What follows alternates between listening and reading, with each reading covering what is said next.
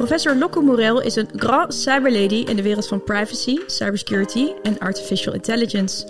Ze begon haar carrière bij het Nederlands advocaatkantoor De Brouw Blackstone Westbroek als specialist in intellectueel eigendom. In 1998 werd zij partner ICT en gaf zij leiding aan de ICT-afdeling van De Brouw. Sinds januari 2015 is Locke Morel senior of, uh, senior of counsel privacy. Hoe zeg ik dat? Uh, cybersecurity? Senior of counsel. Dan mag je me zo uitleggen wat dat is.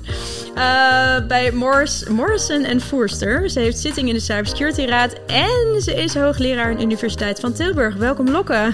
leuk om hier te zijn. Ja, ook al zo'n zo'n zo'n dame met een hele volle agenda. Dus bedankt dat je tijd hebt vrijgemaakt om met mij hier vandaag te praten. Um, we gaan het vandaag vooral hebben over artificial intelligence.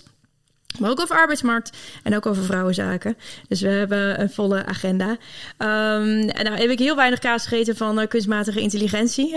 Meer van cybersecurity. Maar het is overal om ons heen. Uh, kan je één keer aan mij uitleggen wat het precies is? Ja. Nou, met software hadden we mensen die programmeerden. En dan kwam er uit wat je erin gestopt had. En bij artificial intelligence ja, voer je eigenlijk data in een algoritme. Die ontdekt allerlei correlaties. Daar bouw je dan een model van. En als je dan nieuwe gegevens erin stopt, dan komt er een voorspelling uit, hè, een resultaat. En uh, nou ja, de grote doorbraak daar is dat heel veel dingen die niet een voorspelling waren, nu ineens kunnen worden omgezet in een voorspelling. Bijvoorbeeld, weet je nog, die vertaalprogramma's die zo slecht waren. Ja. Dan hadden we alle woordenboeken erin gestopt en de grammatica en daar kwam echt uh, een zootje uit. Maar toen voerden ze alle vertalingen die er waren, bijvoorbeeld van de Europese Commissie, hè, van Frans naar Duits enzovoort in, in een algoritme. En toen ging het algoritme voorspellen wat het volgende woord in die zin was. En ineens hadden we hele goede kwaliteit. Dus dat is eigenlijk in een notendop wat het is. Ja, oké. Hey, en, en welke invloed heeft het op cybersecurity? Nou ja, met uh, een algoritme kan je gaan scannen uh, welke websites uh, waar er kwetsbaarheden zitten, bijvoorbeeld. En die dan automatisch uitnutten. Dus dat vergroot de risico's. Maar ja, de goede kunnen een algoritme ook gebruiken om juist het op te sporen en automatisch te dichten, die lekken. Dus het, het is een race. Ja. En we moeten er wel mee aan de slag. Ja, absoluut. Ja, want er werd ook wel eens gezegd over ChatGPT bijvoorbeeld... dat dat dan uh, makkelijker is om phishing mails mee te creëren. Nou, dat is ook zo. Ja. We hebben de eerste voorbeelden gezien... waar in stemmen werden nagebootst. Straks in het metaverse zullen we zien dat avatars worden geïmiteerd... Ja. En dan uh, word je ineens uh, in een, uh, in een teamsvergadering uitgenodigd door je baas. En dan, dan ga je, maar dat kan best een, een fake avatar zijn. Ja, ja, die praat en spreekt, of nee, die, die, en die beweegt. En eruit ziet zoals, zoals je echt denkt dat zijn avatar is. Ja, ja eng eigenlijk. Ja. Of niet? Nou ja, dat is waar we nu voor staan. Dat is de nieuwe uitdaging ja. weer. Ja, want Moeten we er bang voor zijn, denk jij? Want ik, sommige mensen beweren dat. Hè? Want ik ken mensen die standaard please en thank you zeggen tegen ChatGPT. Omdat ze dan uh, grotere overlevingskans zouden hebben als de robots ons leven overnemen uiteindelijk. Ja, ze zeggen dat is grapje, maar ik weet zeker dat ze dat ook echt zo'n serieuze ondertoon uh, ja. in zit. En uh, dan zeggen ze, ik ben in elk geval aardig geweest tegen, tegen ja. de robots, tegen de AI. Ja. Nou, maar, maar, maar wat, wat, hoe denk jij dat? hoe denk jij daarover? Algoritmes is gewoon wiskunde uiteindelijk. En um, dus dit, dit, dit, is onzin. Maar, en ik erg me ook wel aan die doemscenario's. Uh, in feite wordt uh, die zo groot geschetst dat je een beetje onmachtig wordt, want daar valt niks tegen te doen. Terwijl wat we moeten doen is kijken naar wat die algoritmes nu hier vandaag doen en wat de issues zijn. En die kunnen gewoon opgelost worden. En dan komen die doemscenario's uh, ook niet. Maar doordat dat zo groot te maken, is net als met het milieu. Hè, als het zo groot is, dan hoef je niks meer te doen, want je, je bent totaal onmachtig. Nou, dat, dat is echt onzin. Ja, ja dus uh, niet bang zijn, gewoon uh, er is ermee werken. Ja, we hebben een, ja. een, een, die producten zijn gewoon nog onaf. Het is de eerste auto zonder remmen, zeg ik dan. En die is gewoon nog niet klaar. Dat moet gewoon. We zitten in een wereldwijd experiment. Waarmee je uitprobeert iets. Nou, oké, okay, als dat zo is. Maar dan gaan we er nu wel aan werken om die negatieve impact uh, gewoon te beperken. Ja. Ja. Uiteindelijk gaan we echt algoritmes zien die wel juist de uitkomsten opleveren hoor. Ja, eigenlijk wel bijzonder hè, dat ze een auto op de markt brengen die geen remmen heeft. Ja, daar, daar, dat een ik product. Ja. Ik zeg je, dat is niet het systeem waar ons, ons eh, consumentenrecht op gebaseerd is. Dus we krijgen dadelijk ook algoritmes die wel veilig zijn. Oké, oké. Nou, dat is heel fijn. En ondertussen wordt er gretig gebruik van gemaakt, ook onder studenten en onder uh, professionals, uh, weet ik. Ja. Dus, uh, nou ja, maar experimenteren ja. om te kijken wat er mogelijk is en waar je soms ook uh, suffe taakjes uh, sneller kan doen. Ja. Ja, de, ik zie dat uh, de callcenter-medewerkers die moesten altijd eerst een verslagje maken van dat gesprek. Hoe lekker is dat als er een perfecte samenvatting uh, staat van de klacht en, Ja. en, en een prompt voor het antwoord, wat, wat dan uh, een goed antwoord is in, in weet ik hoeveel talen als Ja. iemand uit Korea belt. Dus ja, ik, er zitten echt uh, goede kanten aan en ook hele nuttige Heel veel mogelijkheden. toepassingen. Ja. Ja. En ik, ik, ik denk dat we daar met z'n allen zeker moeten experimenteren. Helemaal uh, blind doorvoeren is uh, zonder dat je de uitkomsten kan controleren, is echt niet aan de orde op dit moment. Nee, nee, nou toch een geruststelling, hè, denk ik Ja. dan. Ik hoef niet bang te zijn dat de robots eh, of AI de wereld gaat overnemen. Maar hoe zie jij de wereld over, over 20 jaar? Zijn we dan in volledige coexistentie met AI? Eh? Nou, om te beginnen denk ik dat uh, AI niet weggaat. Het is echt hier uh, to stay. En de vraag is, ja, welke rol krijgt het? En, en uh, mijn inschatting is dat we dan niet ook regels hebben voor algemene modellen die voor alles toepasbaar zijn, maar dat eigenlijk elke toepassing, bijvoorbeeld in de medische sector of in het onderwijs of in dat die apart is gereguleerd. We hebben niet alleen maar uh, regels voor alles wat beweegt, uh, motorisch, maar we hebben regels voor vliegtuigen, voor auto's, voor fietsen. Begrijp je wat ik bedoel? Ja, ja. En uh, ja, dat, dat, en dat moet ook, want de bottom line is dat natuurlijk uh, ja, met deze algemene technologie, hè, general purpose technology, dat, ja, dat, dat er zoveel toepassingen zijn die ook echt niet de bedoeling zijn en Ja. waar dan ook gewoon een verbod op moet komen. Ja, ja, nou dat is heel, uh, heel goed dat je dat zegt. Want de vorige cyberlady uh, Queenie Rakowski, Kamerlid van de VVD, die uh, had een doorgeefvraag voor jou. Daar gaan we nu even naar luisteren.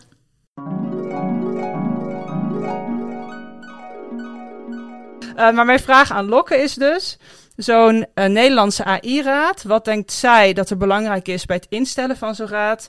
Waar moet hij dan vooral wel over gaan en waar moet hij zich vooral niet mee bemoeien? Ja, nou, dat is wel een grappige vraag, want dezelfde issues spelen nu met de Cybersecurity Raad. De Cybersecurity Raad was tripartiet samengesteld: uh, uh, wetenschap, uh, publieke sector en bedrijfsleven. En dat is hartstikke nuttig, want zonder die kennis uit bedrijfsleven kan je niet goed policy maken. En de wetenschap voedt dan ook de laatste inzichten. Maar nou blijkt dat onze adviescolleges, daar is een kaderwet voor. En die mag, mogen alleen ja, uh, zeg maar strategische adviezen aan de overheid geven. Dat is hoog over. En maar dan mogen de, uh, de beleidsmedewerkers of de, de, de publieke sector mag daar niet in zitten. Ja, dan dus, heb je al een heel eenzijdig beeld. Nou, dat, denk dat, ik. dat is in mijn ogen uh, nou net het nut in een fase waarin je uh, al innoverend, reiteratief moet ontdekken waar de knelpunten zitten. Dus het opzetten van een adviesraad volgens de kaderwet is, krijg je hele hoog over strategisch adviezen. Nou, we hebben de WRR al met een fantastisch advies gehad. We hebben in Europa alle, de VN, de OESO, de, nou echt zoveel adviezen en hoog over dingen zien we al. Er is genoeg hoog over geadviseerd. Wat we nodig hebben is, oké, wat betekent dat dan in deze concrete implementatie? En daarvoor heb je sandboxen, sandboxen nodig, waarin geoefend kan worden. Geoefend kan worden met de experts erbij. Om dan daarna te kijken: oké, okay, dit vinden we dus eigenlijk gewoon niet kunnen. Dat moet opgelost worden voordat je de markt op mag. Of voordat de overheid dat kan gebruiken. Ja. Nou, zo kan ik een, uh, een tijdje doorgaan. Al die toestanden met de toeslagenaffaire en Syrië waren niet gebeurd als je dat in een goede sandbox had gedaan. Ja. En uh, daar helpt een AI-adviesraad niet voor. En dan gaan we die cybersecurity raad opsplitsen in een soort praktisch gedeelte waar die tripartite blijft en dan een hoogovergedeelte. Ja. En uh, ja, eh, mijn oprechte mening is dat die uh, kaderwet al zo oud is dat we toe zijn dat die niet werkt in een tijd in de moderne transitie. tijd. Ja, ja, ja. Maar, maar als ik jou goed begrijp, zeg je dan dat zo'n adviesraad AI, eh, dat is eigenlijk eh, niet nodig?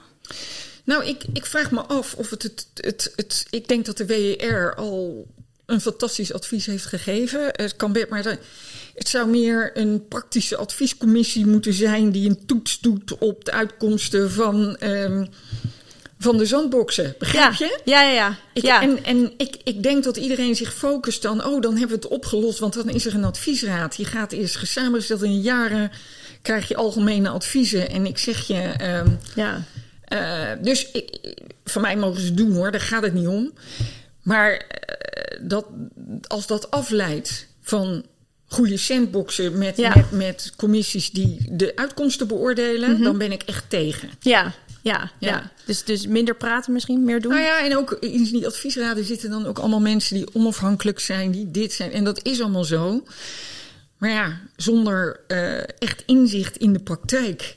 Hè, ik, ik, ik, ik, zeg Ja. altijd, ik zou geen goede hoogleraar kunnen zijn als ik niet zag wat er in de praktijk gebeurde Ja. op dit gebied. Ik kan me voorstellen, op heel veel gebieden is het prima.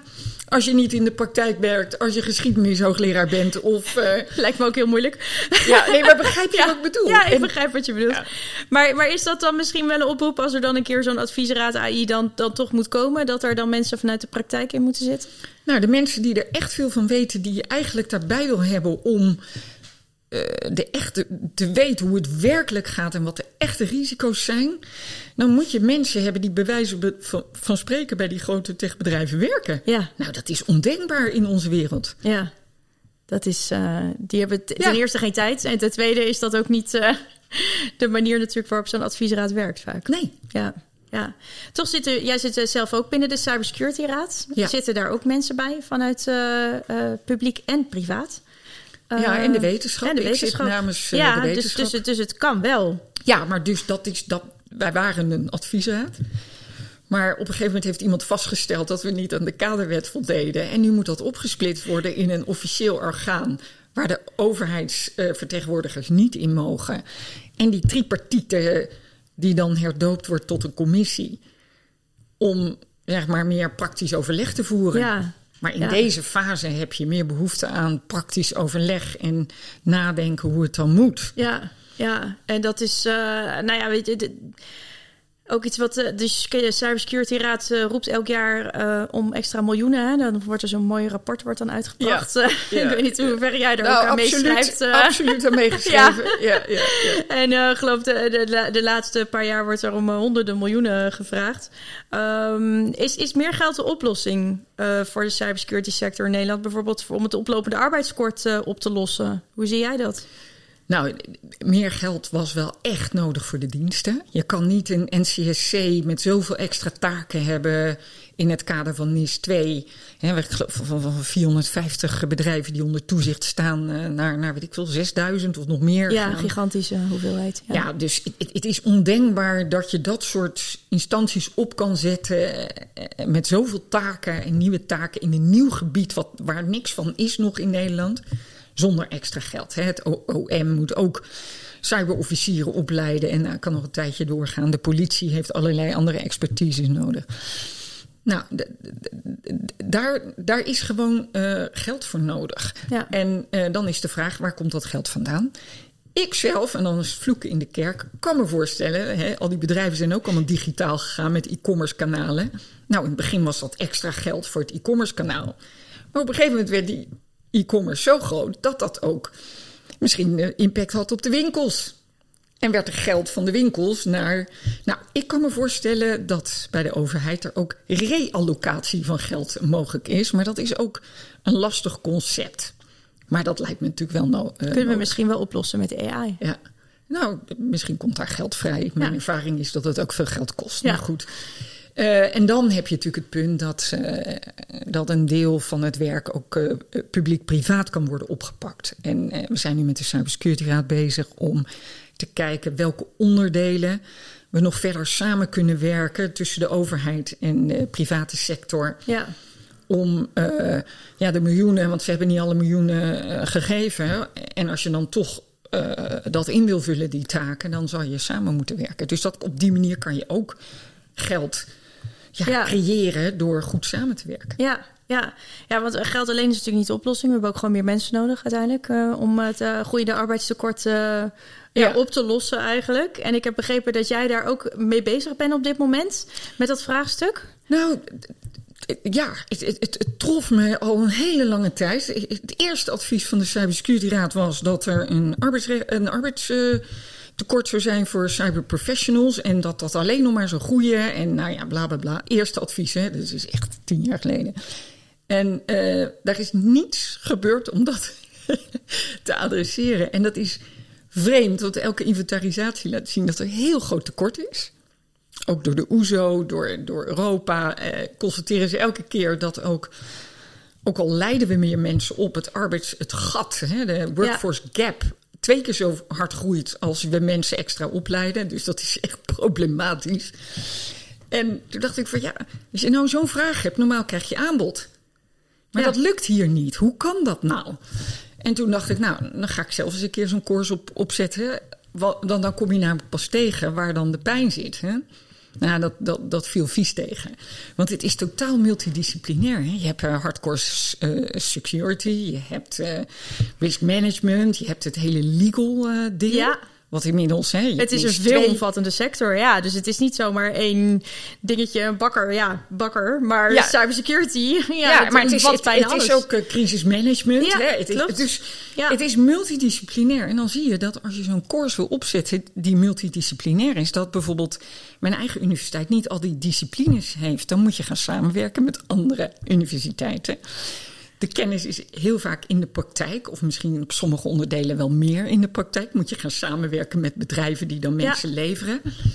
Heel ingewikkeld. Ja, En dan zie je dat, eh ja, dat hoogleraren het ook wel beetje spannend vinden om voor een klas te staan die heel veel van de praktijk weet en dan helemaal niet altijd alle antwoorden weten. En dat, daar moet je ook relaxed over worden, dat je dat niet weet. ja, Maar dat je dat samen dan in een combinatie lesgeeft. ja. Nou, allemaal dat soort dingen. En, en die, en die course, die, die staat nu? Die, Ja, die eh, staat nu, die draait Die, die nu. opleidings, eh, dat opleidingstraject, zeg Ja. maar? Ja. Nou, dat is een, eh, pilot. In de pilotfase zitten we. We zitten halverwege. Spannend, Ja, ja. Heel, heel spannend. En eh, de volgende is in eh, mei volgend jaar. En dan gaan we natuurlijk nog weer aanpassen met alles wat we Ja. geleerd hebben.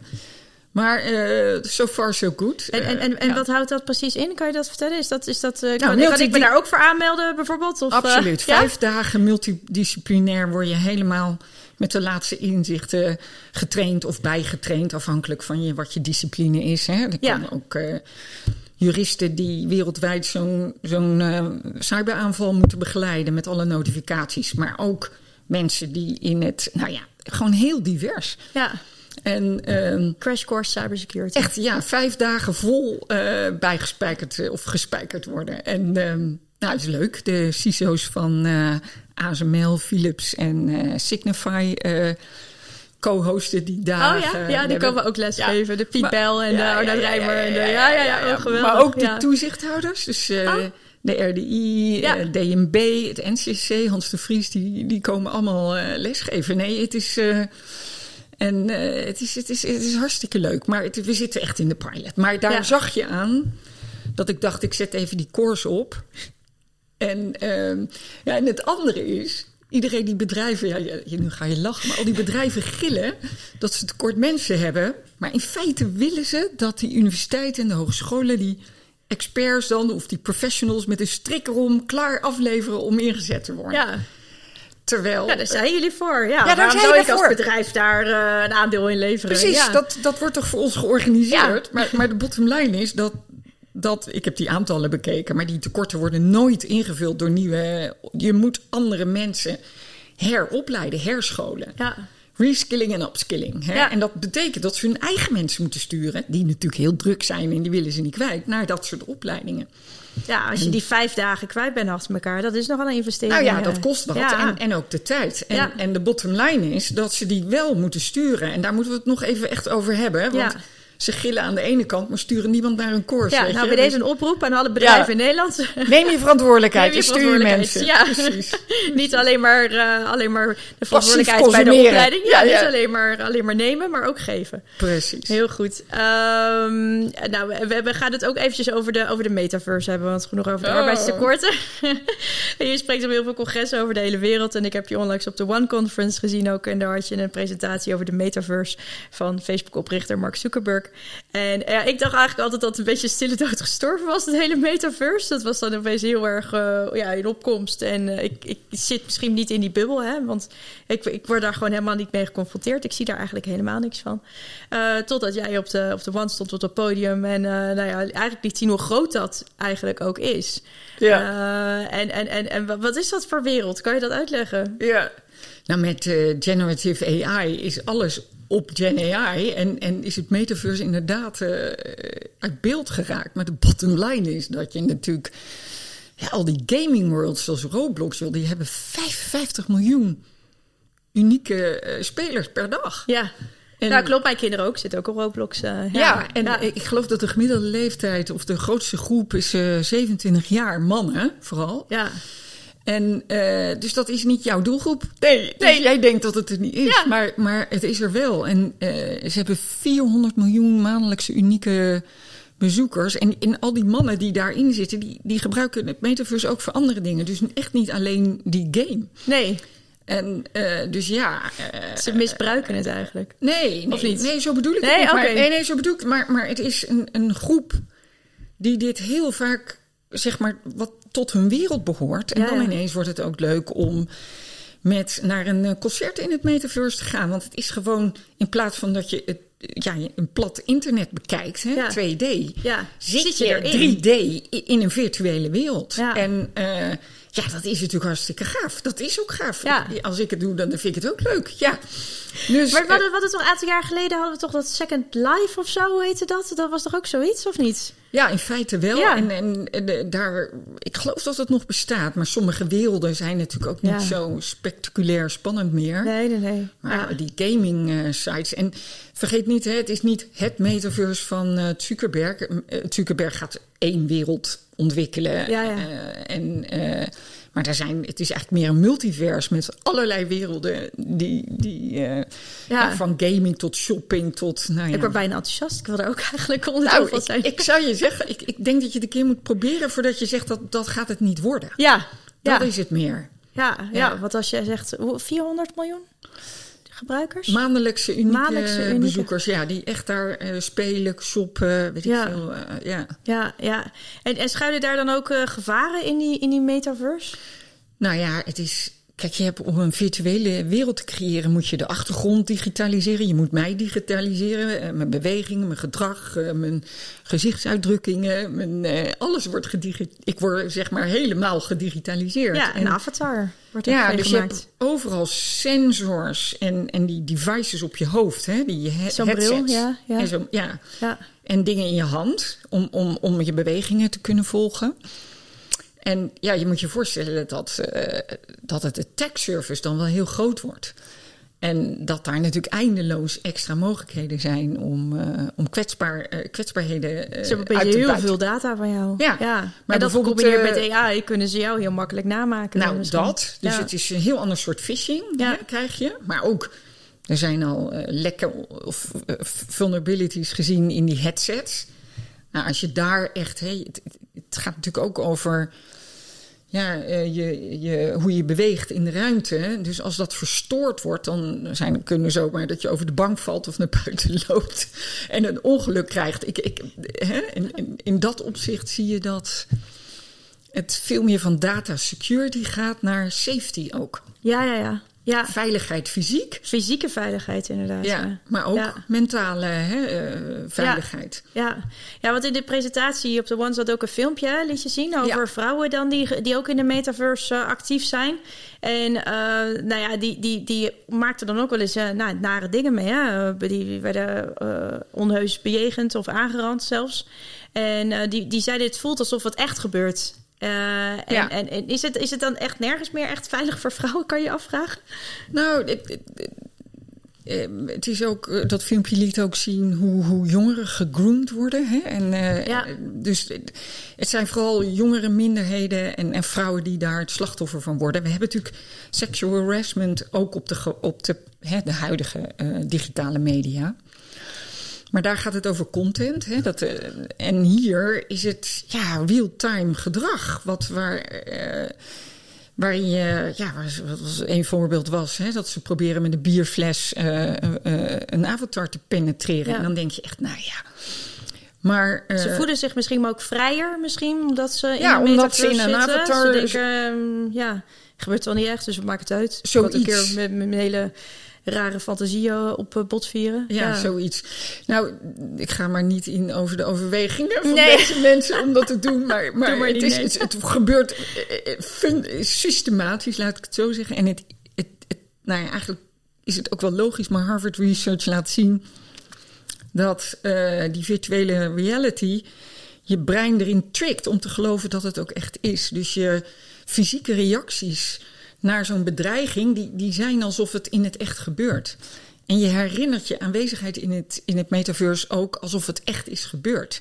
Dus je brein wordt ook ge. Ja. En eh, ja, dat maakt wel dat, dat, je, dat het, je kan dit niet negeren. We moeten daar echt wat aan doen. En dat is best lastig. Want eh, we hebben net eh, de Digitale Services Act. En die gaat over content monitoring. Ja, Maar hier gaan we. dit is hè, nog een stap verder. dit gaat over real-time Ja. gedragsmonitoring. Hoe gaan we dat dan doen? En Ja. wat zijn de regels daarvoor? En Nou, is het dan strafbaar inderdaad als ik in de metaverse... eh, ja, is daar ook politie? Metaverse politie? Nou, Of- is er ja. politie? Is er heel veel, eh, heel veel ehm, omschrijvingen van delicten die zijn. eh, dan moet je iemand echt aangeraakt hebben. Is dat dan ook in de virtuele situaties helemaal niet gezegd? Hè? Dus Nee. Dan moet je alles weer opnieuw Een doordenken. soort Wild Westen, ja. Ja, het is weer eh, opnieuw nadenken hoe, hoe we dat dan gaan reguleren. En, eh, maar ja, ondertussen is het al heel groot. Heel Ja. veel kinderen zitten erin. En dat, eh, ja, dat, dat vind ik wel echt zorgelijk. Ja, ja, doe me denken ook aan die serie Westworld. Weet niet of je die Ja. kent. Ja. Ja. Die ging nog dan een extra stap verder, maar dat was ook zo'n bizarre wereld. Ehm, maar goed, eh, ja, eh, vrouwen en, en minderheden en dergelijke. Is dat ook iets waar jij heel erg druk om maakt? eh, om, om, om hun positie binnen, binnen die security wereld en binnen de AI? Nou, ik, ik vind niet dat we dat moeten negeren. Als dat zo systematisch gediscriminatie is en, en, en sexual harassment en, en grooming. Dan vind ik dat je daar maatregelen voor moet treffen. Ik bedoel, een simpele maatregel kan zijn dat avatars zich elkaar niet aan kunnen raken. Tenzij je, hè, dat er een soort kringetje, een soort scherm omheen zit. Tot je, nou, dat, dat zijn dingen die kunnen. En laten we het daar dan over hebben. Wat ik het ergste vind, is eh, het meest eh, onacceptabele, is dat we zo weinig eh, controles hebben, toegang tot controles hebben voor kinderen. Hier in de normale wereld mag je niet alle films in, mag je nou, niet een seksclub in. En nou ja, in, in online hebben we gewoon geen goed mechanisme om, eh, om dat te, te, te, af te schermen. Ja, ja. Ja En wordt alles bij de consument gelegd. Hè? Alles, alle verantwoordelijkheid wordt bij mij als ouder gelegd. Ja. Voor wat mijn kinderen online doen. Ja, Ja. en het enige wat ze hoeven te doen vaak is te zeggen wat hun geboortedatum is. Nou, ze zijn echt niet gek. Oh, Dan- nee. Ja, dan, dan voeren. Ja. Dus, maar goed, joh, in Europa, ik heb daar nog hoop op. Hebben we dadelijk een e-identity, hè? dus een digitaal. eh, en ik kan me voorstellen dat we ook kinderen dat geven, maar dan met een attribuutje van eh, hoe oud ze zijn. En dat dan automatisch eh, eh, betekent dat ze sommige dingen niet in mogen. Als het attribuutje is, ik eh, ben ouder dan, Dan of 18. jonger dan 14, Ja, ja. jonger dan 12. Hè, dan kan je die leeftijdscategorieën wel handhaven. En ja, ik vind eigenlijk dat we gewoon een verbod moeten hebben tot, tot, tot dat goed is doorgevoerd. Ja, ja, ja, daar ben ik het wel mee eens eigenlijk. Ehm, hoewel dat natuurlijk ook weer heel lastig is qua vrijheid van informatie. En, Ja, maar ik, ik zie het. Ja. Ik, ik, als je een, ik heb het niet over een, dat je dan je hele identiteit hoeft te geven, maar alleen een attribuut eh, ouder dan. ja, Snap je? ja, eigenlijk een soort identiteitsbewijs misschien... wat ik ook moet laten zien als ik alcohol wil kopen of sigaretten of zo. Ja, maar dan alleen van ik Ja. mag alcohol kopen Ja. in plaats van hoe oud Van je bent en wie je bent en weet ik wat. Ja. Snap je het? En, dan daar zie ik de, alle eh, identiteitsbezwaren gewoon niet, niet, die zie ik niet. Nee, nee. Nou, We gaan het meemaken. We gaan het meemaken. Ja. Um, ik, ik interview natuurlijk heel veel vrouwen hè, in, de, in de podcast. Eigenlijk Ja. alleen maar. Alleen maar. Precies. En uh, nou weten we ook dat we soms bepaalde hindernissen moeten overwinnen als vrouw in een, uh, in een vakgebied. En ik was benieuwd of jij kon omschrijven welke hindernissen jij hebt moeten overwinnen om als vrouw te komen waar je nu bent. Uh, want je, je bent zo ver gekomen. Ja, dus zal er wel geen dus, hindernis nou geweest ja, zijn. Dus dan, dan ja. vraag ik me, is, uh, ja. ja. heeft zij ook hindernissen meegemaakt? Of, uh, ja, ja. Nou, ik denk dat iedere vrouw die uh, zeg maar door de ladders van een uh, grote organisatie is gegaan, uh, allerlei voorbeelden kan geven van hindernissen of. En het lastige is dat het altijd van die microaggressions noemen ze dat dan is. Zij, die, die, ja, als je zo'n voorbeeld geeft dat je denkt, nou is dat het nou? Maar het gaat om, het, om het, de, de optelling van, van al die voorbeelden. En dan nog, en dan ook hebben we de meeste vrouwen ook nog wel eens een paar voorbeelden dat je denkt, ja, dat was wel echt heel erg. Mijn eerste keer dat ik echt dacht, nou, nu moet het niet gekker worden, is uh, dat ik had gesolliciteerd, of nee, ingeschreven voor een beurs. En dat de hoogleraar uitleidde, uh, zei, uh, ja, je bent tweede geboren, want de eerste was een man. Dat was voor een beurs in Colombia. En uh, Amerika. En, uh, want uh, ja, hij is een man en dan zal hij daar later meer mee doen. En ik weet nog dat ik dacht, ik ga er niet op in, maar ik zal je laten zien. en toen, vijf jaar, of nee, tien jaar later, kwam ik die man weer tegen. En toen zei ik dus dat hij dat gezegd had. Nou, hij ontkende het. Hij zei, nou, dat kan niet. Ik ben altijd zo voor de vrouwen. En het punt is, toen vond hij dat denk ik echt. Maar dat is de tijdgeest waarmee je toch bent uh, ja. opgegroeid of je carrière hebt moeten maken. En uh, ja, dus de vrouwen van mijn leeftijd, ik, hè, ik ben nu 58, hebben allemaal dit soort dingen meegemaakt. Heel systematisch. Van uh, dat een, een cliënt je niet wil omdat je een vrouw bent. Um, dat ja. ik opging voor, partners, voor partnership en dat ik. Um, part-time wilde werken. Nou, dan moest ik eerst nog maar eens een jaar laten zien dat dat, oh, dat ja. kon. Uh, nou ja, weet je, ja. Ik, ik, ik, kan... Uh, en ook nu nog. Nu nog.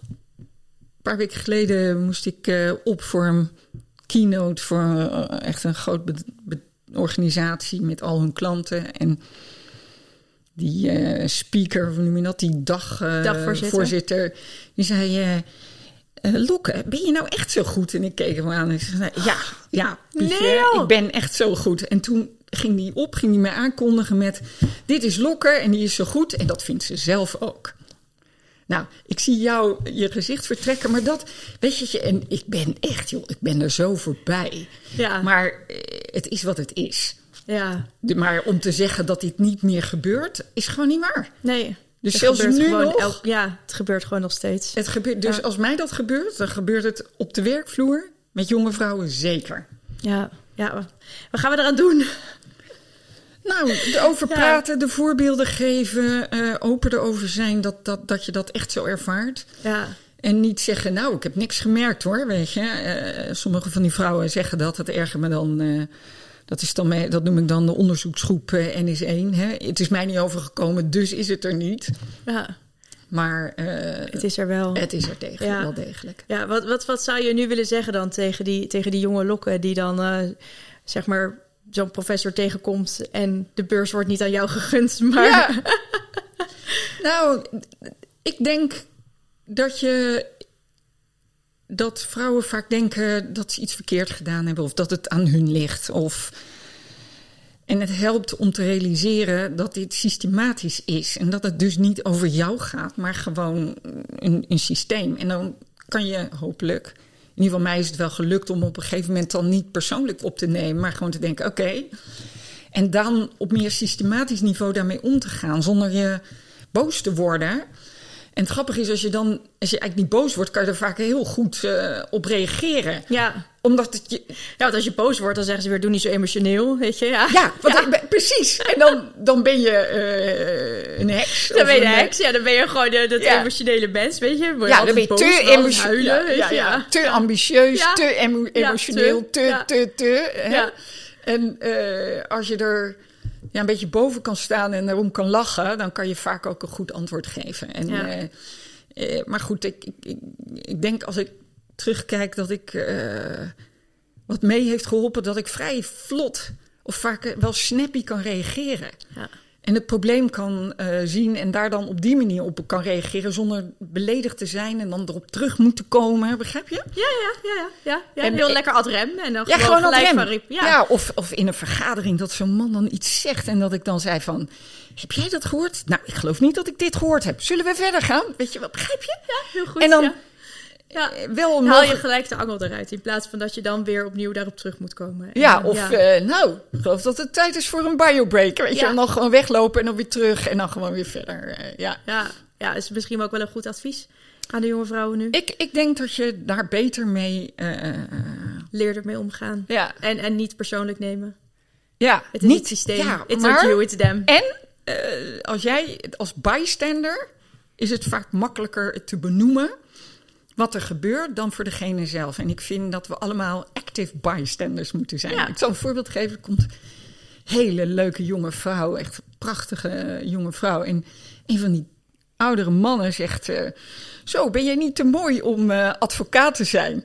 En, eh, en nou ja, wat ik bedoel met Snappy. Ik zeg, kan je ook te lelijk zijn om advocaat te zijn tegen hem? En nou, en dan moest iedereen zo lachen. En het was in één keer klaar. Ja, Maar ik- ja, Ja, je moet ja. het... je Maar, moet dat, het adresseren. Je maar als wel- bijstander moet je...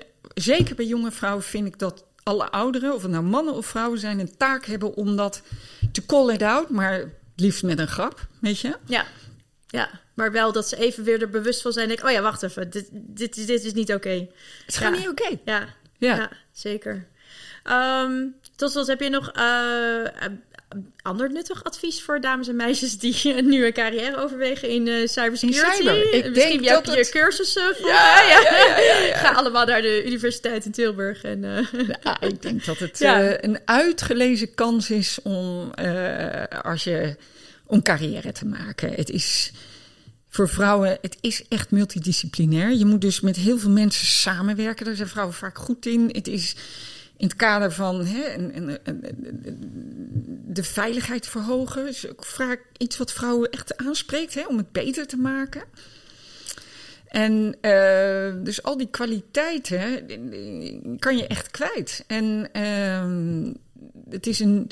Je hoeft niet zelf een techneut te zijn. Nou, daar ben ik echt het grootste voorbeeld van. Je hoeft niet een hardcore security expert te zijn om in dit vakgebied eh, werkzaam te zijn. Ja, en ja. ehm, wel een vereiste is dat je goed met techneuten moet kunnen praten. En een beetje dezelfde taal. Jij zit ja, te knikken. ja, nee, ja, dat is, dat, ja, ja, daar ben ik heel erg goed in. Tenminste, dat, dat vind ik ook ontzettend leuk. ja, Eh, en daar is het voor mij inderdaad mee begonnen. Is dat ik gewoon met de jongens eh, en meiden, de nerds van de NCSC, ging praten. En dat ik zei, jullie hebben, zoveel, jullie doen zoveel fantastisch werk. Laat mij jullie verhalen vertellen. Ja. En, eh, dus dat klikte gewoon heel erg goed. Ja, en dat, is, dat moet Ja. ik wel zeggen, dat is niet iedereen een gegeven. En ze moeten het ook leuk vinden om, om het aan je uit te leggen. Ja, en dat klopt. is dan omdat jij echt een oprechte... Ik heb Interesse een oprechte Ja. belangstelling voor Ja. wat zij doen. En dan vinden ze het eigenlijk heel leuk om uit te leggen. Ja, en, klopt. en dan leer je van alles en zo leer je het.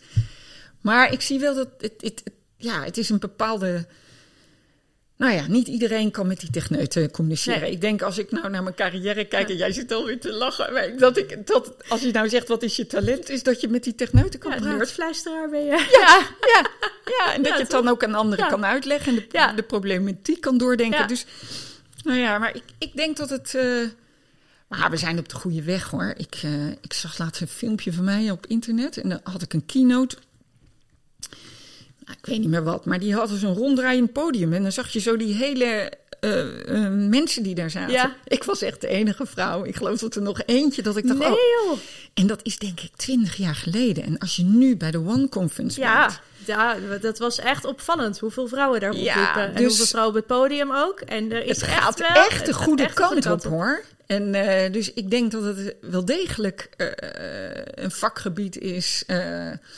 En omdat het gewoon ook over capabilities gaat, doe je het goed, Ja. word je ook beloond. Ik, ik vind het minder politiek, maar goed, dat is mijn eh, indruk. Misschien Ja. heb jij een andere Nee, indruk. nee, absoluut. Zelfde indruk. Dus absoluut. Ja. Dus gewoon doen, dames. Gewoon doen. hey, dankjewel, Lokke. Graag gedaan.